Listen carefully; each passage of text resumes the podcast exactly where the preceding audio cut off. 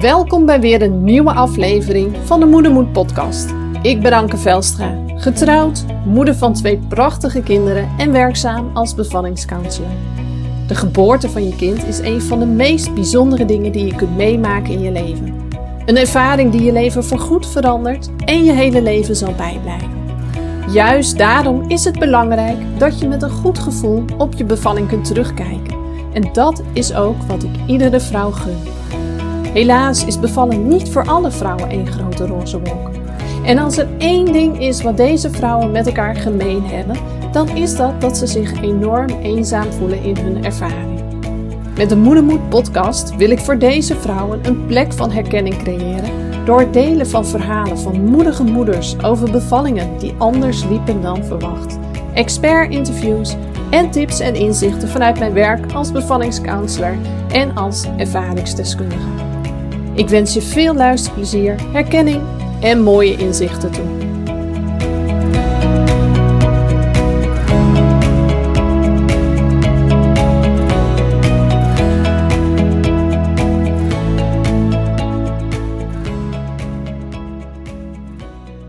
Hey, hoi. Anke Velstra hier en superleuk dat je weer luistert naar een nieuwe aflevering van de Moedermoed podcast.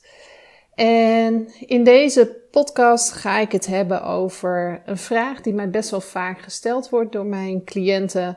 Uh, en waar tegelijkertijd ook wel een enorm taboe op rust, namelijk de vraag: moet ik nog wat met mijn bevalling? Moet ik misschien nog een klacht indienen? Maar voordat ik daarop inga, ga ik je eerst iets vertellen van de afgelopen periode. Ik vertelde in de vorige podcast al dat ik uh, nou, wat moeite had uh, om nieuwe podcasts op te nemen. En toen gaf ik aan dat ik dacht dat dat kwam doordat ik, nou ja, dat het vakantieperiode was en dat ik iedereen thuis had. mijn man die werkt in het onderwijs, dus die was zes weken lang thuis.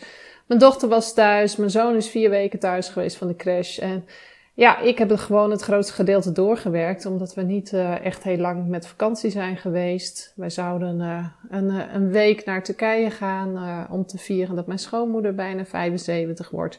Maar dat werd op het laatste moment geannuleerd. Ja, probeer dan maar op zo'n korte termijn wat anders te vinden. Het meeste was gewoon al weg of gewoon loeiduur. Nou ja, ik vind vakantie heel erg fijn, maar 3500 euro uh, voor een weekje in Nederland, uh, dat wordt me gewoon een beetje te gek. Dus dat, dat hebben we niet gedaan.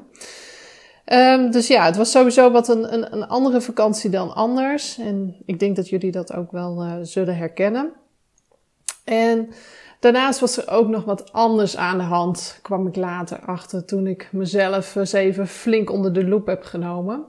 Ik ben namelijk al een, uh, een poosje bezig met een, uh, een nieuw project. Daar ben ik uh, voor de zomervakantie al mee gestart. En dat is het project Neem de regie over je bevalling. omdat ik heb gemerkt van de stap, oké, je hebt een traumatische bevalling gehad. Je hebt het stuk verwerkt. er is nog een kinderwens. Maar ja, wanneer ben je weer zover om dat aan te durven? Om dat echt weer te kunnen doen, daar is nog wel een stukje in nodig. Uh, ja, om, om je goed voor te bereiden op wat er zo'n volgende keer kan uh, gebeuren en kan komen. Want wat vrouwen altijd zeggen, ja, maar dat wat er toen is gebeurd, dat wil ik nooit meer meemaken. En natuurlijk heb je daar geen invloed op. Je, hebt maar beperkt invloed op wat er gebeurt tijdens je bevalling. Maar uh, de manier waarop dat gaat, de manier waarop je dat ervaart, hoe er met je omgegaan wordt, dat kan echt wel heel erg anders. En daar kun je ook op voorbereiden. Dus ik vond dat ik dat um, in een traject moest schieten. Met daarnaast allerlei uh, oefeningen om uh, ja, te leren omgaan met de angsten die er zitten, met de overtuigingen. Om weer in je kracht te staan, om de energie te voelen van yes, ik ga dit aan. Ik heb daar zo, hè, ik heb enorm veel opleidingen gedaan de afgelopen jaren. Denk als ik het optel dat ik nou, zo'n zes en een halve opleiding heb gedaan in uh, vijf jaar tijd of zo. Dus dat is best wel heel erg veel. En alles wat ik daar persoonlijk in heb geleerd, maar ook professioneel, ja, dat, dat is zo helpend geweest in uh, het weer aandurven van nog een zwangerschap. En uh, ja, ook toen die bevalling heel erg heftig verliep, Uh, en als je dat nog niet hebt geluisterd, in de podcast staan mijn bevallingsverhalen ook. Dus uh, luister die dan nog zeker even terug. Um, heeft daarin ook geholpen dat ik ondanks alles wat er is gebeurd, wel heel goed uh, en liefdevol op terug kan kijken. Dus ik was daar vol enthousiasme mee begonnen. Ik had er echt heel erg veel zin in. En ik was filmpjes aan het opnemen en meditaties en oefeningen. En ik was heel enthousiast. En in één keer viel het stil. En ik had zelf niet zo goed in de gaten wat er gebeurde. Maar er kwam een oude bekende van mij op bezoek. En vroeger was ik heel erg blij als die oude bekende op bezoek kwam. Ik was hem altijd heel erg dankbaar. Ik dacht ook dat het een hele ja, belangrijke rol speelde in mijn leven. En uh, dat, ik, dat ik hem ook daar echt voor nodig had. En hij is heel lang niet geweest. En eigenlijk voelde ik me daar wel prima bij dat hij niet was geweest. Misschien zelfs wel veel beter. En nu was hij er in één keer weer. En ja, in plaats van hem met open armen te ontvangen van oké, daar ben je weer, uh, wat wil je van me? Uh, duwde ik hem nu een beetje weg, gaf ik hem geen aandacht, maar probeerde die wel uh, mijn aandacht telkens op te eisen. Nou, nu zul je wel denken, waar heeft het over? Wat is dit voor cryptische omschrijving? Nou, die oude bekende was, uh, was mijn perfectionisme, wat, wat even om de hoek kwam. En wat ik eigenlijk na mijn eigen burn-out en mijn bevallingstrauma helemaal kwijt was geraakt. Daarvoor speelde het echt een enorme rol in mijn leven. Vond ik het zelfs ook een hele positieve eigenschap. Terwijl ik er hoe langer en meer achter kwam dat het eigenlijk een hele vervelende eigenschap was. En dat ik er meer last van had dan dat het me bracht. En ik kon het daarna ook helemaal loslaten. En om je daar een voorstelling bij te maken, ik heb ooit een training gegeven voor een groep waar ik gewoon een hele tijd, zonder dat ik het wist, met mijn gulp open heb gestaan. Uh, en toen ik dat eenmaal ontdekte, ja, ik kon twee dingen doen. Ik kon of net doen alsof het niet was gebeurd, of ik kon er gewoon een grote grap van maken. En waar we samen met elkaar om zouden lachen. En dan gewoon weer verder gaan met wat er zou zijn gebeurd, waar ik mee bezig was. En ik koos het laatste. En het was zo leuk. We hebben er echt smakelijk om gelachen. En uh, iedereen was dit wel een keer overkomen. Dus het was heel herkenbaar. En ik kon gewoon weer verder. Het was klaar. Het zong niet nog de hele dag door mijn hoofd heen van, oh jee. En als dat wel was gebeurd, dan was, had ik misschien uiteindelijk de conclusie gemaakt: ik moet maar nooit meer training geven. Want welke trainer staat nu met zijn hulp open voor de groep? Wat voor waardeloze trainer is dat? En dat is nu helemaal niet gebeurd. Dus ik heb echt heel erg geleerd om compassie met mezelf te hebben als dingen anders lopen dan ik had verwacht, als, als, als dingen mislukken, als ik fouten maak. En dat heeft me eigenlijk heel ver gebracht. En daardoor had ik het perfectionisme ook helemaal niet meer nodig. Het zat me eigenlijk veel meer in de weg. En nu was hij er weer. Ik wilde gewoon voor dit traject, ik wilde het zo goed neerzetten. Uh, dat, dat ik eigenlijk uh, streefde naar perfectie. Het moesten de perfecte video's worden en dat moest ik allemaal van tevoren uitgewerkt hebben. En daarmee legde ik de lat voor mezelf zo ontzettend hoog dat, het alleen, dat ik eigenlijk alleen nog maar kon falen. Dat ik niet meer aan mijn eigen lat kon voldoen. En uh, dat begon me in de weg te zetten. Dus uiteindelijk ben ik gewoon helemaal gestopt met video's maken en om dingen te maken voor, voor, voor uh, de omgeving die het aan het inrichten ben. En dat heeft zo echt wel een aantal weken geduurd. En ik kwam er nu ook, toen ik mezelf eens even onder de loep nam, achter uh, dat het op veel meer gebieden ging, ging spelen. Ik, ik vond het in één keer moeilijk om podcasts op te nemen. Ik had voor mijn gevoel geen inspiratie. Uh, het plaatsen van social media berichten, blogs, nieuwsbrieven, alles erop en eraan. Het ging zo moeizaam allemaal. Het was net alsof of, het, of de creativiteit niet stroomde, terwijl ik normaal altijd wel inspiratie heb. Dus ik was mezelf gewoon helemaal aan het vastzetten. Dus ik was heel blij dat ik dit inzicht kreeg. En uh, ja, dat het er eigenlijk ook voor zorgde dat ik het plezier verloor in de dingen die ik deed. En die ik normaal met heel veel plezier ook deed. Dus ja, toen ik hem heb uitgenodigd, de perfectionisme van oké, wat wil je me nu eigenlijk vertellen? Uh, zakte die ook wat weg. En uh, toen heb ik vooral voor mezelf de keuze gemaakt: ja, maar ik wil het plezier voorop stellen. Ik doe dit omdat ik dit mooi werk vind om te doen, omdat ik er plezier in heb. En uh, ik wil vooral ook mezelf zijn. Dan maar niet de perfecte gelikte video's of de perfecte podcast. Uh, ik, wil, ik wil mezelf zijn en ik wil echt zijn. Ik wil niet iets uh, laten zien wat ik eigenlijk ten diepste niet ben. En dat was, uh, dat was heel bevrijdend. En zowaar toen ik dat heb gedaan, kwam de inspiratie ook weer terug voor podcasts, voor blogs, voor nieuwsbrieven, voor social media posts, voor ook mijn online omgeving, waar ik uh, heel hard weer aan heb gewerkt de afgelopen week. Dus ja, super. Nou, dat een klein uitstapje van uh, hoe mijn proces de afgelopen tijd is geweest. En nu wil ik heel graag nog een stuk vertellen over de vraag die ik heel vaak krijg van cliënten, uh, die ik heb geholpen bij het verwerken van een bevalling. Als we de laatste sessie hebben, dan krijg ik bijna altijd de vraag van ja, moet ik hier ook nog iets mee? Moet, moet ik een klacht indienen of wat dan ook? En dat is een vraag die ik niet zo heel gemakkelijk kan beantwoorden. En waarom? Um, enerzijds denk ik ja, en dat zeg ik ook vaak tegen mijn cliënten. Ik vind dat je er wat mee moet als je dat gevoel hebt. Ik bedoel, het zit niet voor niks in je hoofd, deze vraag. Dus kennelijk speelt er toch iets bij je uh, wat je aan het denken heeft gezet. Um, en als je nou helemaal niemand iets mee zou doen met zijn of haar ervaring en met de dingen die daar zijn gebeurd, zal er ook nooit een signaal worden afgegeven dat er dingen gebeuren die niet, echt niet oké zijn. En uh, die dingen hoor ik. En dat, dat vind ik altijd best wel heftig, maar er gebeuren gewoon soms dingen die, die echt niet oké zijn.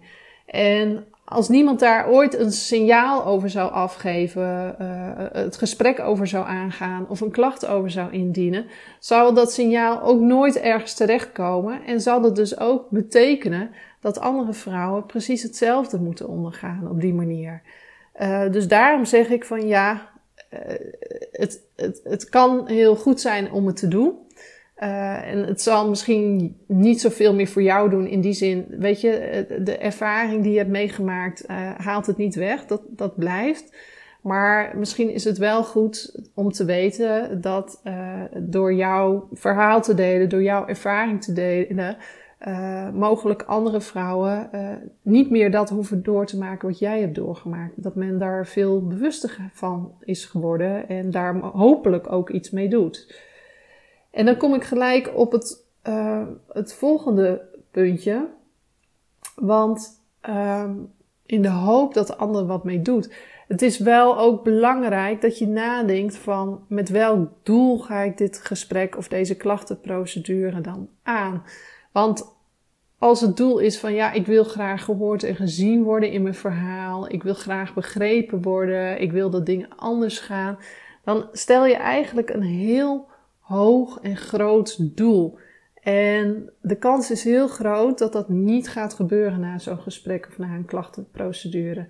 En dat je eigenlijk alleen maar teleurgesteld raakt. Uh, en je niet serieus genomen voelt. En als je op die manier zo'n gesprek of klachtenprocedure ingaat, denk ik dat je dat beter niet kan doen. Omdat het je niet verder helpt en misschien zelfs weer verder terug helpt.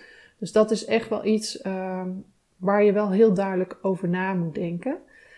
En een volgend dingetje waar, wat ik ook wel belangrijk vind hierover is: ben je eerst, voordat je een officiële klachtenprocedure gaat starten, het gesprek ook aangegaan met je zorgverlener die jouw bevalling of het grootste deel van jouw bevalling heeft begeleid? En als je dat niet hebt gedaan, dan zou ik, zou ik je aanraden om die stap als eerste te zetten. Tenzij er zulke bizarre dingen zijn gebeurd dat je elkaar echt niet meer onder ogen kunt komen. Maar eh, dat is niet altijd het geval. En waarom? Ik, ik probeer dat uh, je duidelijk te maken met, met dit voorbeeld. Stel je voor, jij je werkt en op je werk doe je altijd iets op een bepaalde manier. Omdat jij ervan uitgaat dat dat de beste manier is. Dat werkt voor jou fijn. Uh, uh, je hebt het idee dat je de anderen ook heel goed mee helpt.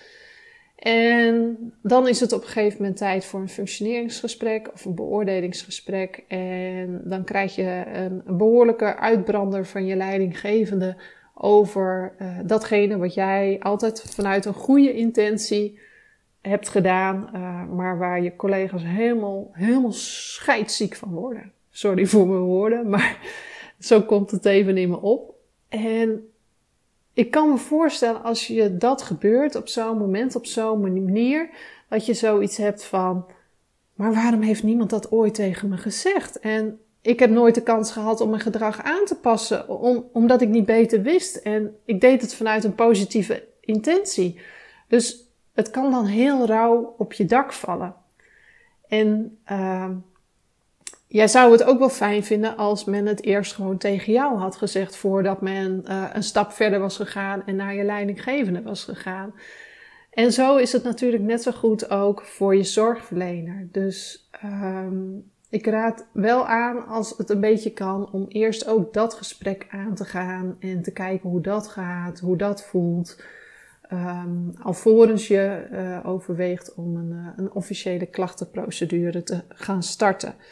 Um, en afhankelijk van hoe zo'n gesprek gaat en uh, in, in hoeverre de zorgverlener het kan aannemen wat je zegt en, en je gevoelens daarbij ehm, kun je altijd nog overwegen om een stap verder te gaan. Maar voor mijn gevoel is dit de eerste belangrijke stap. En ik heb zelf best wel een heel pittig herstel gehad. Sowieso na de eerste bevalling, maar ook na de tweede uh, bevalling. En dan met name fysiek. En ik liep tegen bepaalde klachten aan. En um, daar werd ik niet in gehoord en gezien. En dat was heel pittig, vond ik. Heel heftig. En uiteindelijk hebben we toen dus ook een besluit genomen om naar Amerika te gaan voor behandeling. Omdat ik voelde van ja, ik, ik, ik ga hier niet verder komen. Ik loop vast en uh, de klachten belemmeren me enorm. En dat hebben we gedaan. En toen kreeg ik in Amerika ook voor het eerst de bevestiging uh, dat mijn klachten geen onzin waren, maar dat ze echt ook ergens vandaan kwamen. En uh, kon daar een stuk herstel in gezet worden. En toen ik terugkwam, toen voelde ik heel erg dat ik die zorg nog het gesprek aan wilde gaan met die zorgverleners uh, die, die mij niet hadden gehoord in mijn, mijn klachten en het ook niet echt serieus namen. Dus ik ben het gesprek aangegaan en ik heb daar ook eerlijk mijn gevoelens neergelegd, hoe, hoe ik dat heb ervaren en wat het met mij heeft gedaan. En het waren stuk voor stuk hele bijzondere gesprekken. Ik ben niet van de bovenste plank gegaan, maar ik ben mezelf uh, ook niet voorbij gegaan hierin. Ik heb wel eerlijk gezegd wat het met me heeft gedaan. En ik kwam er in die gesprekken ook achter dat uh, de zorgverleners ook niet bewust waren wat hun uitspraken met mij hadden gedaan. Uh, en dat er ook een positieve intentie achter had gezeten. Ehm, dus aan de ene kant waren ze ook wel blij dat ik zo eerlijk was om aan hen terug te geven uh, wat iets, hun gedrag vanuit een positieve intentie toch bij mij had gedaan. Dus ja, dat, daarmee wil ik eigenlijk aangeven dat het wel belangrijk is om ook deze stap te zetten, alvorens je het gelijk hoger opspeelt. Tenzij, zoals ik al eerder zei in deze podcast, dat dat echt niet meer kan, omdat er zulke heftige dingen zijn gebeurd als ik kijk naar mijn eerste bevalling, die gynaecoloog, die, die, die, die stond in de hoek uh, te bladeren in mijn tijdschriften, terwijl hij zijn uh, assistent met een vacuüm liet uh, rommelen, wat tig keer misging en losschoot en weet ik veel wat. En ik enorm veel pijn had. En die vent, die, die, die, die had ik echt niet meer onder ogen kunnen komen. Ik was zo kwaad hoe, hoe dat was gegaan. Um, dus dan is het logisch dat je een andere route kiest. Maar met de andere zorgverleners, uit het voorbeeld wat ik net ook deelde, heb ik het wel gedaan. Omdat dat niet zo is gebeurd, zeg maar. Op die manier en zo, uh, zo, ja. Het andere had echt heel duidelijk ook met de persoon te maken. En uh, ja, ik, ik weet even niet hoe ik het moet omschrijven, het verschil. Misschien, uh, dus neem me niet kwalijk dat ik er even niet helemaal uitkom. Maar ik denk dat je wel kan voelen wat, wat ik daar net over heb gezegd. Ik was echt heel boos op, op deze persoon. En op de andere ook wel, maar op een andere manier of zo. Ik denk dat dat het is. En het voordeel is ook als je eerst het gesprek ook aangaat met de zorgverlener um, die je bevalling heeft gedaan. Heel vaak geven vrouwen mij ook aan dat ze bepaalde stukjes missen van hun bevalling. Dat er puzzelstukjes missen of dat ze nog steeds niet weten waarom bepaalde beslissingen zijn genomen of waarom bepaalde dingen zo zijn gegaan zoals ze zijn gegaan. En om daar meer rust in te krijgen is het ook belangrijk dat je daarover nog een keer het gesprek aangaat met je zorgverlener. En ook al is dit, heb je de nakontrole al gehad, is dit maanden later, misschien jaren later, het kan alsnog, nog steeds. En als je voelt dat je die behoefte hebt, moet je dat gewoon doen. Hè? Tijd is daarin niet heel belangrijk. Nou als je dan zo'n gesprek aangaat met je zorgverlener, uh, is het wel fijn dat je ook een aantal tips hebt. Dus uh, ik heb nog een aantal tips die ik heel graag met je wil delen in deze podcast uh, voor dat gesprek. De allereerste tip is belangrijk uh, dat je zo'n gesprek absoluut plant met de zorgverlener die jouw bevalling of het grootste deel van jouw bevalling of het, het meest heftige stuk van je bevalling heeft begeleid. Hè, over het algemeen zijn zorgverleners en met name in het ziekenhuis, gynaecologen, drukke mensen. Dus willen ze dit soort gesprekken of nakontroles ook wel eens uit handen geven aan een collega. Maar als je eh, zo'n gesprek wilt voeren, meer, wilt weten over je bevalling, uh, je gevoelens daarbij uh, delen. Als je dat doet met iemand die niet bij je bevalling is geweest, dan is het bijvoorbeeld al teleurstellend, zo'n gesprek. Want uh, de, de persoon is er niet bij geweest, die heeft daar geen gevoel of een beeld bij. Die zal jouw bevalling van papier voorlezen. Nou, dat kun je zelf ook lezen. Dus daar zit totaal geen meerwaarde in. En die persoon kan niks met jouw gevoelens. Dus dat is altijd een hele belangrijke voorwaarde. Ga dit aan alleen met de personen die er ook echt bij zijn geweest. Tweede belangrijke tip is bereid je voor op het moment dat je zo'n gesprek ingaat, zit daar best wel een beetje spanning. Misschien zelfs wel een heleboel. En ons brein werkt een beetje anders als wij spanning ervaren. Dan kunnen we niet meer zo goed logisch nadenken en rationaliseren. Um, dus het is heel belangrijk dat je vooraf al een stukje voorbereiding doet. Dat je vragen opschrijft die je wilt stellen of dingen die je graag wilt zeggen, dan kun je dat briefje meenemen en heb je een soort steuntje. En dat is heel helpend uh, wanneer je zo'n gesprek een beetje spannend vindt. Nou, ik heb er net ook al wat over gezegd, over je verwachtingen en over je doel. En dat zijn de volgende twee tips. Stel voor jezelf ook een doel voor dit gesprek. Wanneer ben jij tevreden als jij dit gesprek hebt gevoerd? Uh, is dat wanneer al jouw vragen zijn beantwoord? Of is dat wanneer je hebt kunnen zeggen wat je allemaal op je hart had? Wanneer ben jij tevreden als jij dit gesprek hebt gevoerd? En hou dat bij jezelf. Wanneer ben jij tevreden? Met welke uitkomst? Wat moet je dan hebben gedaan? En houd je verwachtingen uh, ook reëel daarin. Um, je zorgverlener, maar dat geldt ook voor iemand anders die bij je bevalling was, uh, je partner of uh, een, een, andere persoon die erbij is. Iedereen heeft die bevalling vanuit een ander perspectief meegemaakt. En er is maar één persoon die in jouw schoenen heeft gestaan en dat ben jij. Dus de ander zal er altijd een ander gevoel, een andere beleving bij hebben. Dus verwacht ook niet dat de ander compleet zou kunnen invoelen hoe het voor jou is geweest. Um, maar laat je daardoor niet ontmoedigen. Weet je, het is jouw ervaring, het is jouw gevoel. En als jij dit er zo bij voelt, dan is dat zo. Dan heeft een ander daar niks van te vinden of te zeggen. Want jij bent de enige die dat zo heeft ervaren. Maar houd wel je verwachtingen laag. Uh, verwacht niet dat de ander je compleet uh, zou kunnen invoelen hoe dit voor jou is geweest. Nou, een volgende tip is: ga wel uit dat in 99% van de gevallen een positieve intentie zit achter het gedrag van je zorgverlener. Uh, ze willen heel graag dat het goed gaat met jou en je kindje tijdens de bevalling. Uh, uh, dat je er zo goed mogelijk doorheen gaat. Alleen de manier waarop is niet altijd even handig. Of de manier waarop gecommuniceerd is, is niet altijd even tactisch. Um, ik, ik merk ook wel dat heel veel zorgverleners vaak heel erg gericht zijn op het fysieke, uh, de fysieke veiligheid van moeder en kind, uh, het fysieke welbevinden van. Uh, en daarbij soms te weinig stilstaan bij de mentale gevolgen van bepaalde keuzes. Um, dus ga er echt vanuit dat achter het gedrag een positieve intentie heeft gezeten. Dat er achter bepaalde keuzes een positieve intentie heeft gezeten. Alleen dat de uitvoering misschien net niet helemaal uh, lekker is gegaan. Of uh, ja, gewoon heel, heel heftig is geweest.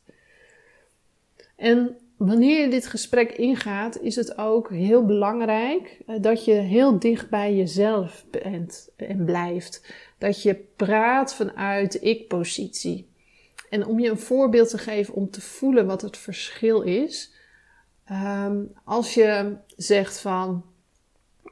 Uh, het is heel heftig om zonder toestemming ingeknipt te worden tijdens de bevalling dan, dan veralgemeniseer je. Dan, dan maak je alsof het voor alle vrouwen heel erg heftig is om dit mee te maken. En dat zal in de meeste gevallen ook wel. Uh, alleen de ander kan er niet zoveel mee. Terwijl als je het dicht bij jezelf houdt en zegt: Ik vond het heel heftig om te moeten meemaken dat ik ingeknipt werd zonder mijn toestemming. Dat komt op de ander alweer heel anders over als dat je praat van het is. En wat daar mooi bij aansluit is ook uh, um, gebruik nooit de waarom-vraag hierin. Als je een vraag wilt stellen aan je zorgverlener van, uh, en nu gebruik ik wel even het woordje waarom, van waarom heb je die keizersnede gedaan? Waarom heb je toen het besluit genomen? In het woordje waarom, daar zit eigenlijk altijd een oordeel. Dus als je aan je zorgverlener vraagt van waarom heb je toen dit besluit genomen, dan voel je eigenlijk als het ware al zo'n vingertje dat priemt en zegt van hé, hey, waarom heb je dat gedaan? Terwijl als je waarom vervangt door wat maakt, voelt het al heel anders. Wat maakt dat je destijds hebt besloten om een keizersnede te doen? In plaats van waarom heb je destijds besloten om een keizersnede te doen? Voel je het verschil tussen waarom en wat maakt? Dus probeer waarom. Ja, en niet alleen in dit gesprek. Ik denk dat het heel wijs is om het uit heel veel gesprekken gewoon weg te halen. En uh, meer te kiezen voor wat maakt. Uh, daarmee haal je al zoveel oordeel en lading eraf. Uh, en voelt het voor de ander ook veel minder bedreigend. Dus dat is gewoon een tip om misschien eens bewust van te zijn. niet alleen in dit gesprek, maar ook in het dagelijks leven. En het is ook belangrijk dat je je gevoelens uitspreekt tijdens het gesprek. Dus niet alleen hoe je je hebt eh, gevoeld tijdens de bevalling en de dingen die er zijn gebeurd, maar ook als het in het gesprek niet zo lekker loopt.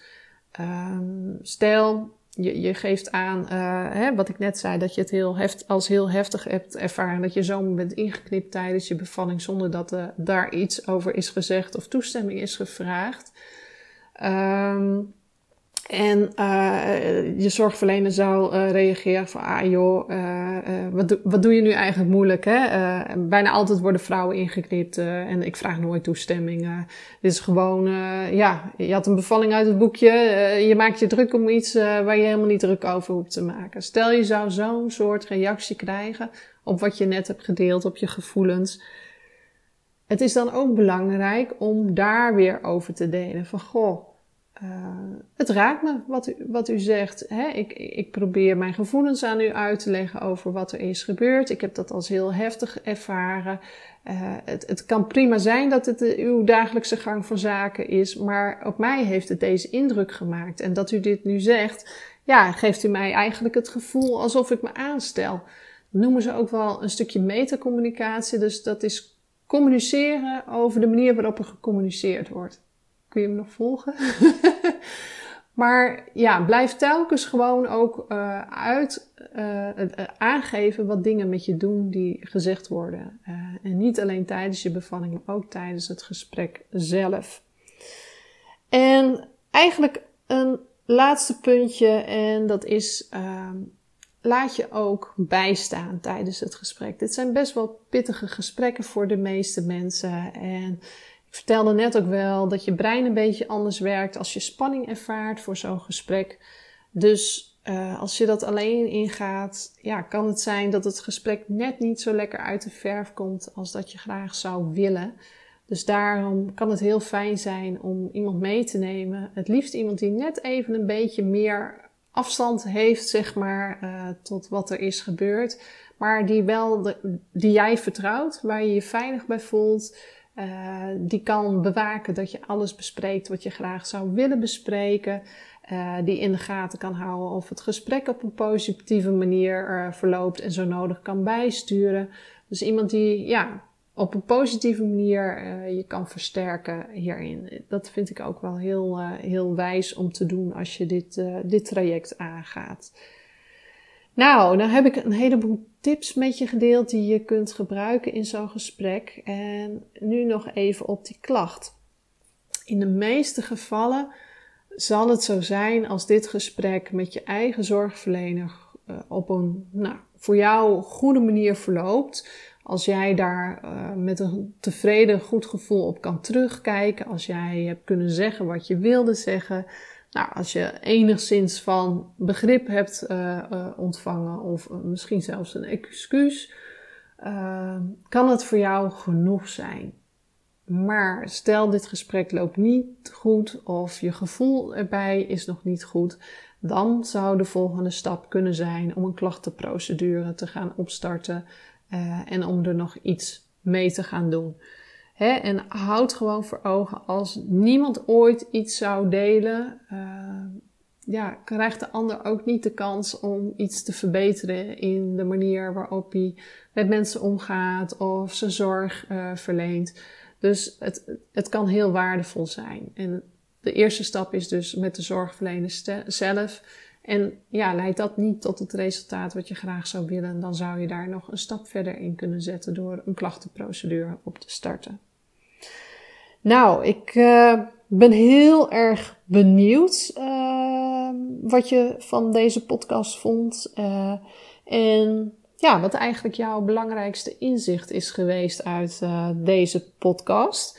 Um, als je hem hebt geluisterd, uh, zou je hem dan met me willen delen door me te mailen via contact.ankevelstra.nl of door me een, uh, een berichtje te sturen via social media, via, via Facebook of via Instagram. En uh, met mij daarin te delen wat je belangrijkste inzicht was. of misschien heb je zelfs nog een vraag over wat ik, wat ik heb gedeeld. Of twijfel je zelf ook uh, of je er nog wat mee moet, uh, een, een, gesprek of een klachtenprocedure. Nou, dat zou ik super leuk vinden als je daarover uh, contact met me opneemt en me wat laat weten. En ja, dan ben ik zo'n beetje aan het einde van de podcast gekomen. Ik wil je zeggen, ja, bedankt voor het luisteren.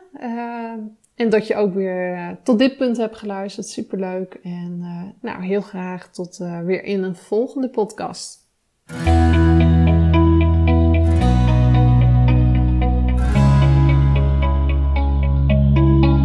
Heel erg bedankt voor het luisteren naar deze aflevering van de Moedermoed podcast.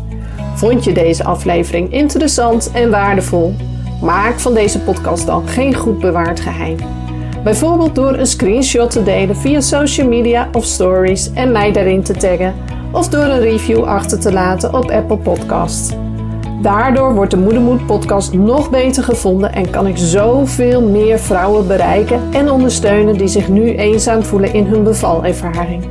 Dankjewel alvast en heel graag tot de volgende podcast.